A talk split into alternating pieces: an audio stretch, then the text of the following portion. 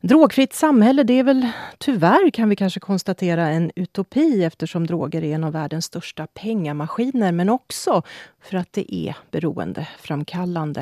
Det finns många olika åtgärder för att förebygga missbruk eh, och sen en tid tillbaka har man också börjat tänka på skadereducerande åtgärder. I England till exempel så har man sedan ett år tillbaka startat en skadereducerande verksamhet där man erbjuder brukare att komma och kemiskt testa drogen man tänkt ta för att få reda på om den är ren och om det är det man tror att, att man har. Och eh, sen också för att förebygga överdoser eh, men också för att eh, få till en plats där man faktiskt kan tala till missbrukare och kanske erbjuda en hjälpande hand. Teamet som jobbar i Storbritannien de heter The Loop och de håller till i ett tält inne på festivalområden landet över och de består av kemister och sjukvårdspersonal. Hur skulle en sån här åtgärd tas emot här i Finland? Ett tält inne på Flowfestivalen kanske, som pågår just nu i Helsingfors. Ja, vi ska ta och diskutera det här med skadered skadereducering, men också självaste missbruket och missbrukarvården här i Finland. Med mig nu i studion har jag Mette Strauss som är verksamhetsledare på förbundet KRAN. Det är ett resurscentrum för missbrukarvården och drogförebyggande arbetet i svensk Finland. Och sen har vi också för detta missbrukaren Janni här. Jag ska säga varmt eh, välkommen till er båda. Tack för att ni tog er hit den här söndagmorgonen. Tack. Tack så mycket.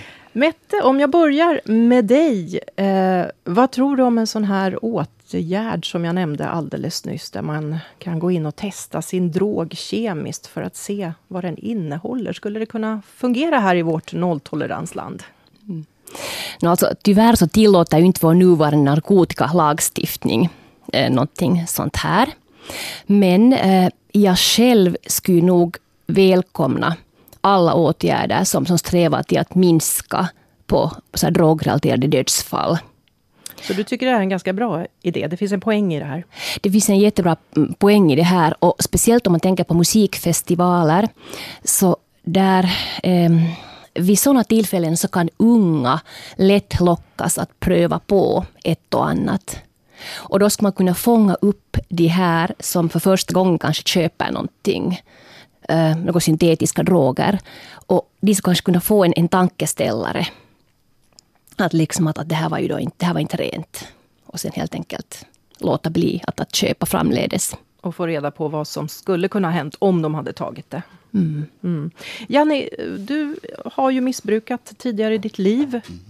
Du är drogfri eh, idag. Eh, på den tiden när du tog droger, skulle en sån här plats eller sånt här tält på en festival, skulle det vara ett ställe du skulle besöka? Ja, jag tänkte på det där att då när jag själv köpte droger, då hade jag väldigt bråttom till att använda, använda dem när jag väl hade fått dem i handen. Så jag vet inte riktigt om jag skulle ha haft någon eh, större vilja att gå och testa den. Men om, jag, om det skulle ha varit möjligt så visst, ibland så funderar man ju på att vad det är man får och och kanske den här renheten speciellt. Att ibland så får man ju väldigt, fick man väldigt dåliga droger. Och då skulle det varit kul att få det testat istället så att man skulle se vad det mm. innehöll. Var du själv i riskzonen att överdosera någon gång? Jag överdoserade tre gånger. Så att eh, ja, jag var nära på att dö då. Mm. Och, eh, men eh, jag, vet inte, jag vet inte om doseringen hade blivit bättre eller be rättare om jag hade vetat hur stark drogen var. Det är lite grann, ja, beroendesjukdomen är ju sån att sen när jag väl börjar ta droger så tar jag så mycket som ja, jag får tag på i princip. Mm. Ja, men men visst, alltså dagens droger är, de är ju annorlunda än vad det var då när jag använde droger. Det är ju några år sedan. Så att i dagen, dagens droger, man vet ju inte riktigt vad det är. Man vet, alltså det kan ha varit ja, molekylärt ändrat hur mycket som helst. Mm. Så att, ja. Mette, du ville säga någonting? Jo, alltså sen är det att, att, att sen det kommer nya syntetiska droger ut på marknaden, liksom i EU. Sådana här designdroger design, som de kallas för, ja. Mm. Precis, så då kan det ta en till tre år för myndigheter att luska ut att vilka ämnen som exakt finns i dem. Mm. Och då måste man verkligen utveckla väldigt eh, bra drogtestningsmetoder. Mm. Tillförlitliga. Just det. Och de är ju inte alltid olagliga heller de här eh, nya designdrogerna eftersom man ännu inte vet vad det är i dem så att säga och vad de har för funktion. Kan man ju tillägga.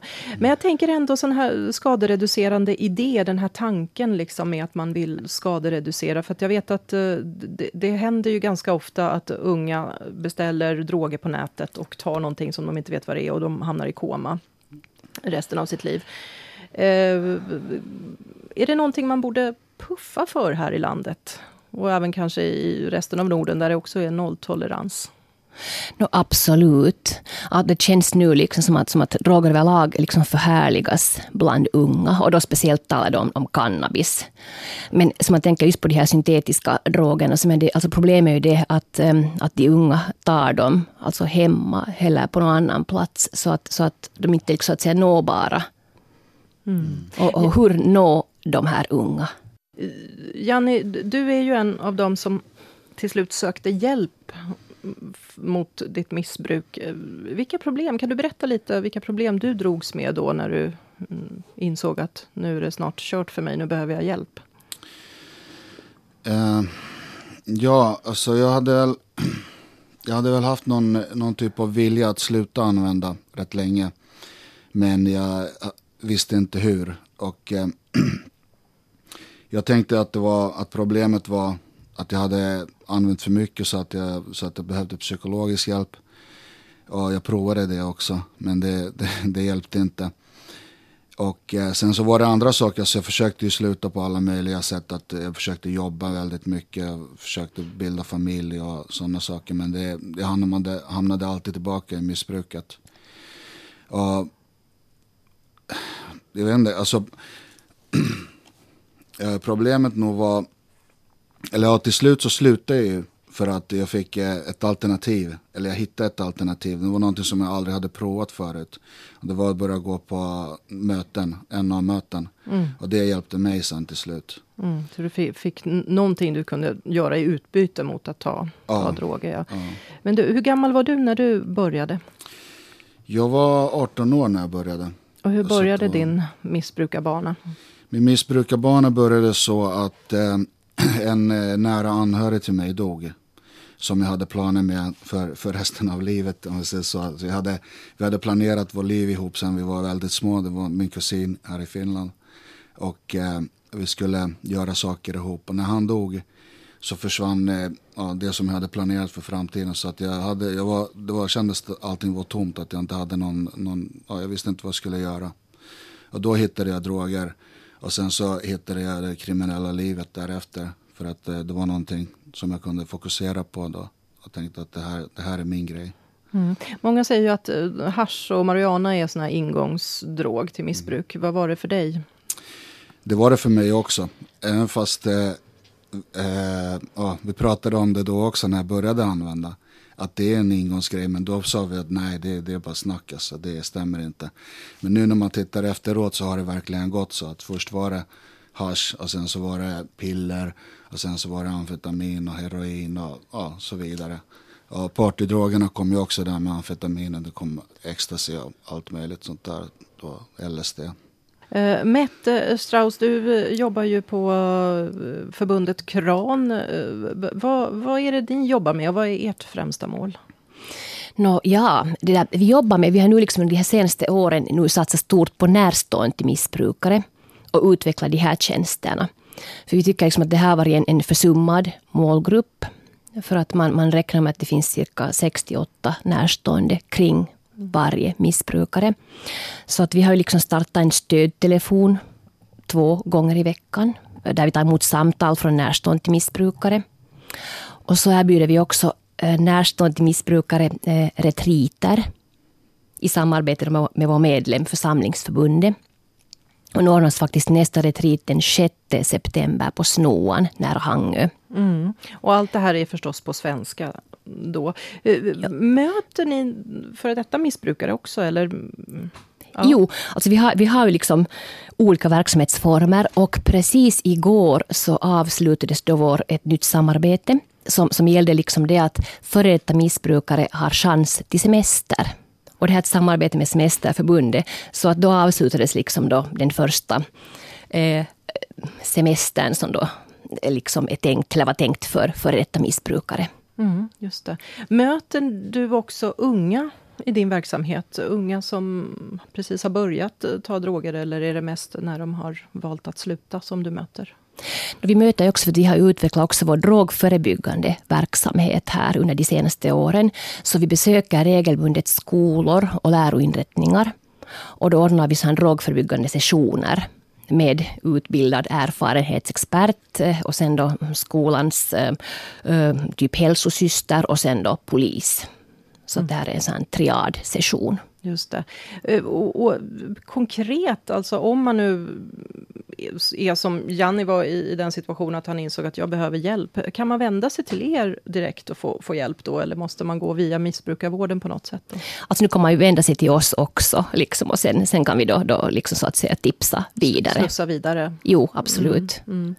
Eh, I förra timmen så hörde vi om Pixnekliniken eh, den enda svensktalande missbrukarkliniken här i Finland som hotades av nedläggning. Eh, åtminstone då dokumentären gjordes. Nu fick man ju reda på att den får fortsätta. Men, men du har eh, ganska bra insikter i det här, eh, Mette Strauss. Eh, vad, vad är det som händer med Pixnekliniken? No, Pixnekliniken har ju bytt huvudman. Så att nu i juli så har Malax kommun tagit över. Och det här är någonting som vi välkomnar, tror jag, i hela svensk Finland. Mm. Eh, vi ska prata vidare om det här med droger. Vi ska prata med Janni och med Mette Strauss eh, efter en låt. Bland annat så tänkte jag att jag skulle vilja ta upp det här med skam. Eh, för vi lever i ett skamsamhälle och jag tänker att missbrukare har ganska hög grad av skam. Ehm, jag tänker på när man har haft ett ganska långt liv, lång, lång karriär inom, inom missbruk. Eh, och vi lever i ett skamsamhälle där vi skäms ju för både det ena och det andra. Mm. Eh, hur är det här med skammen för dig som före detta missbrukare? Hur, hur, hur är det när man liksom, den dagen man inser att jag behöver hjälp, men fasiken vad jag skäms för att säga det. Mm. Hur, hur var det för dig? Ja, jo det är, missbruket har, det har ju mycket skam där. Och just att komma ja, erkänna, erkänna att man har ett problem. Ja, inte bara för andra men för sig själv. Eh, det, det är väldigt svårt i början. Ja, det var massor med rädslor som, eh, som jag hade. När jag, när jag väl hade, eller jag hamnade ju på avgiftning till slut. Det var, dit hamnade jag inte för att jag ville dit utan det var min fru och min eh, arbetskompanjon och så som sa till mig att nu måste du göra någonting med dig själv för att nu kan inte vi vara med dig längre utan då försvinner vi från ditt liv.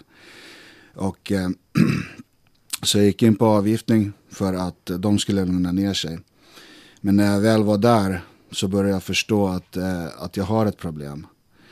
Men ja, jag kunde erkänna till, först så kunde jag säga att ah, okej, okay, jag har ett problem och jag skämdes för det. Men jag kunde inte till exempel säga att jag hade problem med alkohol för att jag tyckte inte att jag hade det. För att, och sen så ansåg inte jag att alkohol var en drog då. Men, och där hade det också mycket med skammet att göra. Just för att alkohol är, det är accepterat normalt i samhället.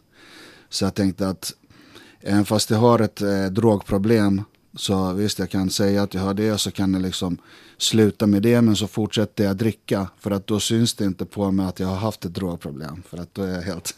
Så du hade en plan där? Ja, jag hade, mm. en, hade en plan där. Mm. Men, mm. Hur, hur, ser det ut idag då när du har missbruket bakom dig? Finns den där skammen? Kommer den på besök lite då och då?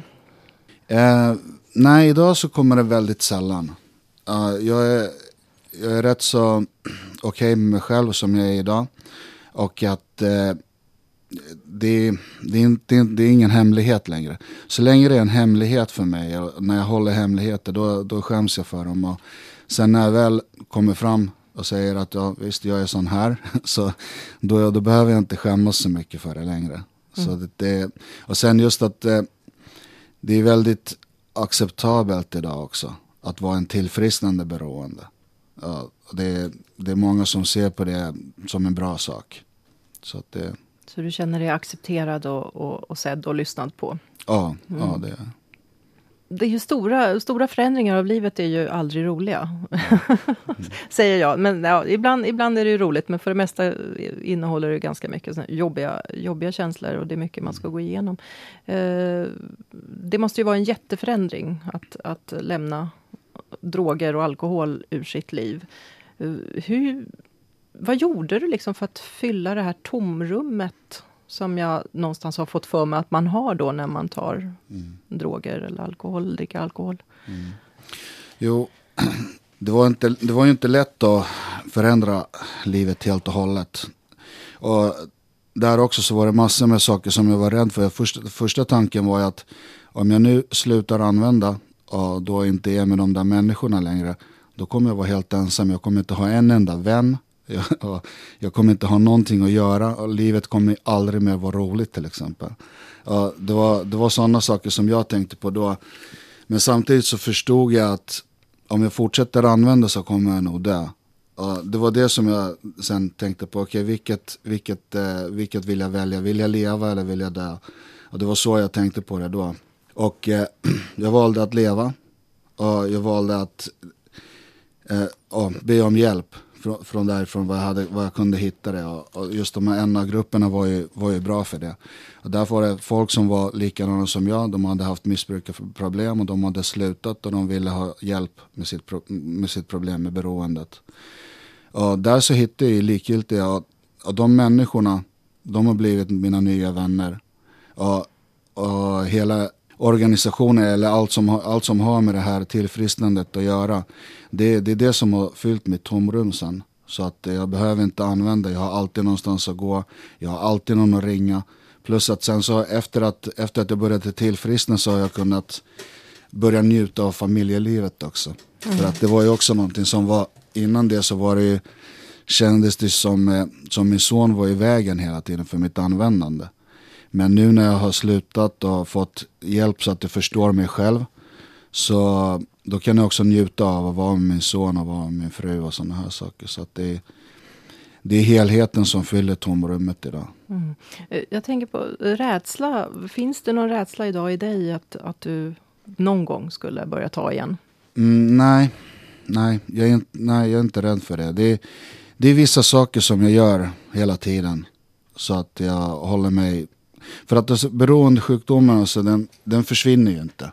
Utan är, man, man sköter det som, en, som vilken sjukdom som helst. Mm. Som, ja, som diabetes till exempel. Alltså det, så det måste fortsätta, fortsätta att ta hand om den. Men så länge jag gör det så vet jag att det, det, finns, ingenting, det finns ingenting som kan hända. Det finns ingen, finns ingen orsak för mig att börja använda igen. Men sen så vet jag att jag har ju sett folk som har slutat använda. De har varit utan att använda kanske några år eller till och med tio år eller över. Och sen så har de börjat använda igen. Och det den erfarenheten som, eh, eller det som de har berättat, de som har kommit tillbaka till exempel och, och de som jag har pratat med som har börjat använda det, de, alla säger samma sak att de slutade gå på möten till exempel, att mötena blev mindre och mindre. Och till slut så började de tänka att nej men jag har ju inget problem längre. Jag, jag har blivit frisk. Och sen så oftast så börjar det med alkohol igen. Att man börjar dricka lite grann. Och sen till slut så faller man tillbaka i droger också. Mm. Och du är ju helt eh, både alkoholfri och drogfri idag. Ja. Mm. Eh, Mette Strauss, Janni nämnde här sin son, sin fru. Jag tänker på det här med medberoende som ju du jobbar med på mm förbundet KRAN. Mm. Eh, hur vet jag att jag är medberoende? Ja, no, om, om du märker att du möjliggör ett missbruk, då är du medberoende. Det vill säga att, att du köper hem alkohol Det vill säga om du, om du har en missbrukare som, som partner och den säger att nu måste jag verkligen få, få, få sprit för att, för att jag har, vad heter det, en så, så hemsk sån här darra eller, eller krapula. Så om man då, ja. Och sen just det att man städar efter missbrukaren som till exempel kommer hem och, och spyr ner i vardagsrummet. De har ju på sätt och vis en möjliggörare. Mm. Och det att man liksom hela tiden riktar sig efter den här, den här missbrukarens humör och humörsvängningar. Och liksom helt till slut liksom utplånar sig själv. Då är man, då är man medberoende.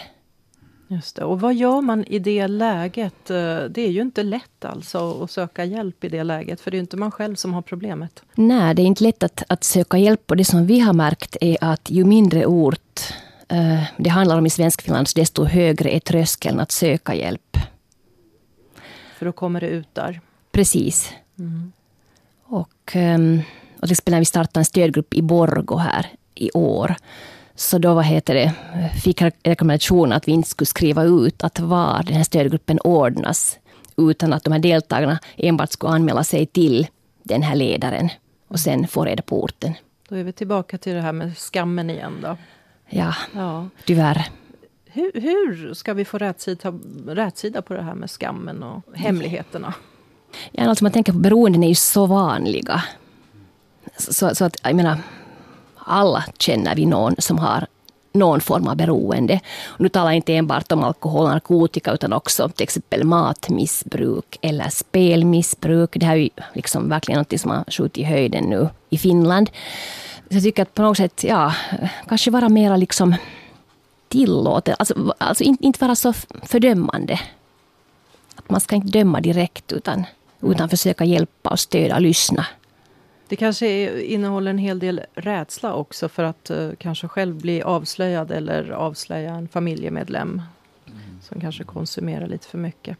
Du är ju väldigt öppen, Janni, med att berätta om ditt liv. Och, och du har varit med förut i media och berättat. Och, uh, men hur lätt är det att öppna upp sig eh, för kärlek efter att man har varit så destruktiv?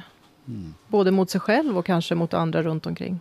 Ja, det är, det är inte heller lätt. Det är, eh, I den kriminella världen eller i drogvärlden till exempel, där, där så siktade jag på hela tiden på att inte känna någonting.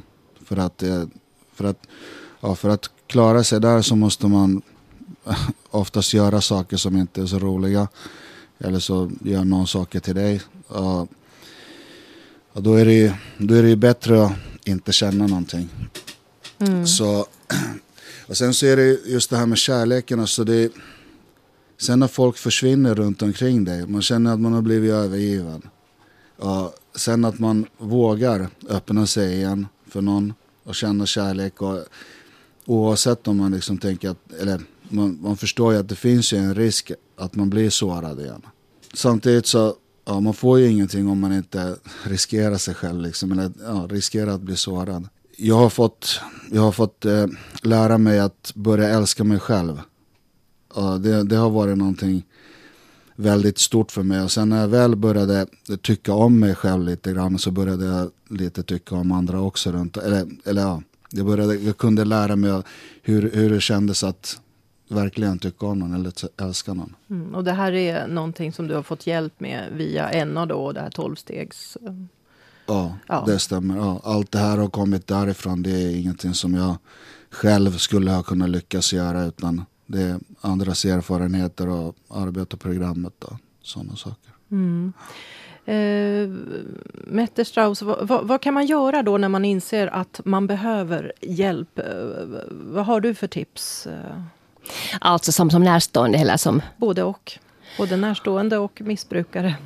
No, som närstående ska hon försöka först prata med, den, med missbrukaren och verkligen föra en ärlig diskussion och försöka nå fram trots missbruket. Nu beror det här hemskt mycket på att vad personen missbrukar. Men, men passa på liksom när det då är ett liksom nyktrare eh, tillfälle. Då. Och, så att för, försöka, för, först försöka liksom då, då, då helt tala ärligt med missbrukaren. Och sen, och sen kanske till och med liksom um, att erbjuda sig att, att, att köra den missbrukaren liksom, ja, eh, till öppen vård eller någonting. Att liksom konkret kanske lite stödja där. Mm. Hur är det då på öppenvården? Får man hjälp om man kommer in där och säger att jag behöver hjälp mot mitt alkoholmissbruk eller drogmissbruk? Det här varierar jättemycket på olika orter, liksom i Finland. Och till exempel här i Helsingfors Ehm, så är det många missbrukare som, som har upplevt det att, att de har sökt hjälp, men sen har det funnits liksom ett så kallat gap. Ah, det kan vara så att, att när, fast de vill, vill komma in på vård så kan det ta två veckor innan de så att säga får en plats. Och då kan det hända att de ångrar sitt beslut under tiden. Och då kan till och med hända att den, den här missbrukaren helt enkelt går bort. Mm. För visst är det så Janne att man kan ångra sig väldigt snabbt också. Om man ena sekunden tänker att jag ska skaffa hjälp och sen får man inte den rätta hjälpen. Så jo visst är det det. Jo, jo, jo. jo det är väldigt lätt att ångra sig. Att, och, och, och även, för, även fast man har fått hjälp så alltså på avgiftning till exempel, där är det många som går därifrån. De bara avslutar, de bara säger nej nu, nu går jag för att jag vill använda eller dricka. Så att det är, även fast man skulle ha fått någon hjälp så är det många som ångrar sig då också. Så det jag kan tänka mig, ja det är ännu lättare att ångra sig just när man väntar. Jag själv väntade i en, två eller tre veckor på att, på att få komma in på avgiftning då. Och det, jag ångrade mig flera gånger under den tiden. Så att det är jätteviktigt liksom med, med, med vård från dag ett. Mm, mm. Och sen det som också är, är, viktigt om man talar om det här med, med, med skadereducerande, så är det liksom att, att, att missbrukare, alltså det är en sån sjukdom att man ofta kan få återfall. Så att det inte sen heter liksom på, på vissa orter här i landet att hej, att, liksom, att du, du, du har redan varit inne på vård fyra gånger. Att du har redan fått din chans, att, att nu är det dags för någon annan att få vård. Mm, just det. Och vad har vi för skadereducerande aktiviteter i, i Finland? Jo, sprututbyte har vi, men till exempel man kunde ju satsa mera på, jag menar Kran ordnar ju utbildningstillfällen på olika orter i svensk Finland. Och man kunde ju satsa på att kanske utbilda poliser bättre när det gäller liksom droger och blandmissbrukare och så här. För att, för att eh, de har så fullt upp med att hålla ordning så att de kanske inte, inte riktigt är, är på kartan alla gånger. Är också på det här liksom att ifall man borde avkriminalisera användning av till exempel cannabis som man har i Portugal. Mm, att, liksom, att om det här skulle kunna vara också ett, ett, ett alternativ. Mm, det är ganska kontroversiella idéer du har. Eh, om man nu ska utgå ifrån hur nolltolerans vi är. Vad säger du Janni, skulle det hjälpa på något sätt att man legaliserar marijuana? Ja, det var ju en sån eh, dröm man hade då när man använde det. lät ju jättekul. Men på, på riktigt så vet jag alltså, det, jag har också äh, tänkt på det här med Portugal och läst lite grann om äh, hur det har gått där och de har ju fått bra resultat. Vad, vad som gäller det, där. Och äh, det är just den här, delvis så skulle just den här skammen till exempel försvinna om, om det var legaliserat. Och just att man får lättare kontakt med personerna för att de inte gömmer sig någonstans. Så de skulle vara lättare att få kontakt med. Och plus att eh, när man, här, här i Finland till exempel så, och i Sverige också så har man en stämpel att narkoman, du har en narkomanstämpel. Och då är man liksom, ja, man är lite utstött och, och det, man är inte accepterad riktigt någonstans. Så att om det skulle vara legaliserat så skulle man kanske vara lite mer accepterad här och där. Det skulle kanske vara lättare att komma in i samhället för att många är ju utanför samhället när de använder. Man skulle kunna få till en dialog kanske menar ja, du? Mm. Ja, kanske. Mm. En sista sak eh, som jag tänkte att eh, vi skulle ta upp. Det är ju lite... Eh, det är ju svårt att söka hjälp. Dels för skammen som man har och dels för att man är rädd för att man ska bli avslöjad. vad gör man med sorgen, Janni? Över de år som har förflutit och de, det man har orsakat de nära och kära. Ja, ja, där har jag också fått hjälp från NA då, och programmet. Det, vi går ju igenom, arbetar igenom med mitt förflutna just för att kunna leva i nyhet. Och, och just det här att, ja sorgen, eller förut när, när man använde då, då, då levde man också liksom hela tiden i förflutna eller i, i framtiden. Man levde aldrig just här. Så att eh, det är någonting som jag också har fått eh, träna på. Att inte tänka så mycket på ja, det som har hänt och vad som, vad som har gjorts och sådana saker. Utan jag försöker koncentrera mig på det jag gör idag. Mm. Och det är just att jag har bearbetat igenom de sakerna som jag till exempel har gjort och inte gjort och sånt. Så att det, det, jag är helt okej okay med det idag. För att jag, ja, jag har mm. arbetat igenom dem, jag har gått igenom dem med min sponsor och ja, jag har bearbetat mitt förflutna. Och det gör det lättare att leva i nuet. Och det enda jag kan göra då, nu, det är att göra mitt bästa idag. Just att vara, närvaro, vara närvarande för min familj, göra det jag kan göra där och sen ja, hjälpa, hjälpa vart, jag, vart jag nu kan göra det. Så att. Vad säger du till din son om han en dag står med eh, någonting i handen som han hade tänkt börja ta? Mm. Ja, han, är, han är sju år idag. Och, och redan nu så har jag tänkt på det där flera gånger. Och eh, han, han till exempel han frågade mig häromdagen. Pappa har du varit i fängelse någon gång? och det var, jag har inte berättat åt honom någonting om förflutna än. Han är för ung för det. Men då sa jag att jo, jag har nog varit där någon gång. Och eh, sen, så, men sen så ångrade jag det så började jag berätta om jag, jag, jag jobbar på, med en sån sak så att jag är där var tredje vecka. Det, det är ju, jag, går, jag går till fängelset var tredje vecka idag. Men Av andra orsaker? Av andra orsaker, nej. Ska vi lägga till? Ja, ja, visst. Jag, jag, är där en timme. De släpper in mig och så släpper de ut mig. Mm. Men ja, alltså jag, jag, kommer ju, jag kommer ju berätta för honom. Jag kommer nog berätta för honom innan han står där med någonting. Att eh, vad, vad som kan hända och kanske berätta någonting om mina egna erfarenheter. För att det är klart, jag vill inte att han ska gå igenom det som jag har gjort. Mm. Och, eh, och sen, ja, det, min erfarenhet är ju att, att, att eh, om någon berättar om sina egna erfarenheter och vad de har gjort för misstag. Då, behöver, då kanske inte jag behöver göra alla samma misstag som någon annan har gjort. Ja, och det är det jag försöker då, tänker att jag kan ge honom att berätta lite grann vad jag har gjort så kan han, ja, till slut så väljer han ju själv ändå. Men han kan, då har han någonting han kan tänka på i alla fall. Att, mm. Mette, eh, när ni föreläser för ungdomar eh, om, om drogmissbruk och alkoholmissbruk, är det skrämseltaktik ni sysslar med eller hur, hur informerar ni? Hur kommer ni åt dem? Alltså i det här projektet som vi har eh, faktiskt startat i fjol, eh, där det faktiskt utbildade erfarenhetsexperter, alltså personer med egna erfarenheter, som berättar sin livshistoria i drogförebyggande syfte. Och det här tar nog eleverna väldigt tacksamt emot. För att, för de berättar ju liksom en, en väldigt osminkad, ärlig version. Just det, så att man får veta hur det är på riktigt om man säger så. Medberoende, jag såg att ni firar eh, jubileum nu Metterstrauss och eh, Sanna Lundell som är Ulf Lundells dotter är inbjuden att tala. Kan du berätta mer om den verksamheten, eller det, den händelsen? Ja, alltså vi fyller 35 år nu, 14 november. Och Sanna Lundell har tackat ja till att komma och, och föreläsa under rubriken Medberoende. Och eh, ja, hennes pappa var ju alltså då alkoholist och, och, var inte så glad när, när de kom ut med den här boken Djävulsdansen.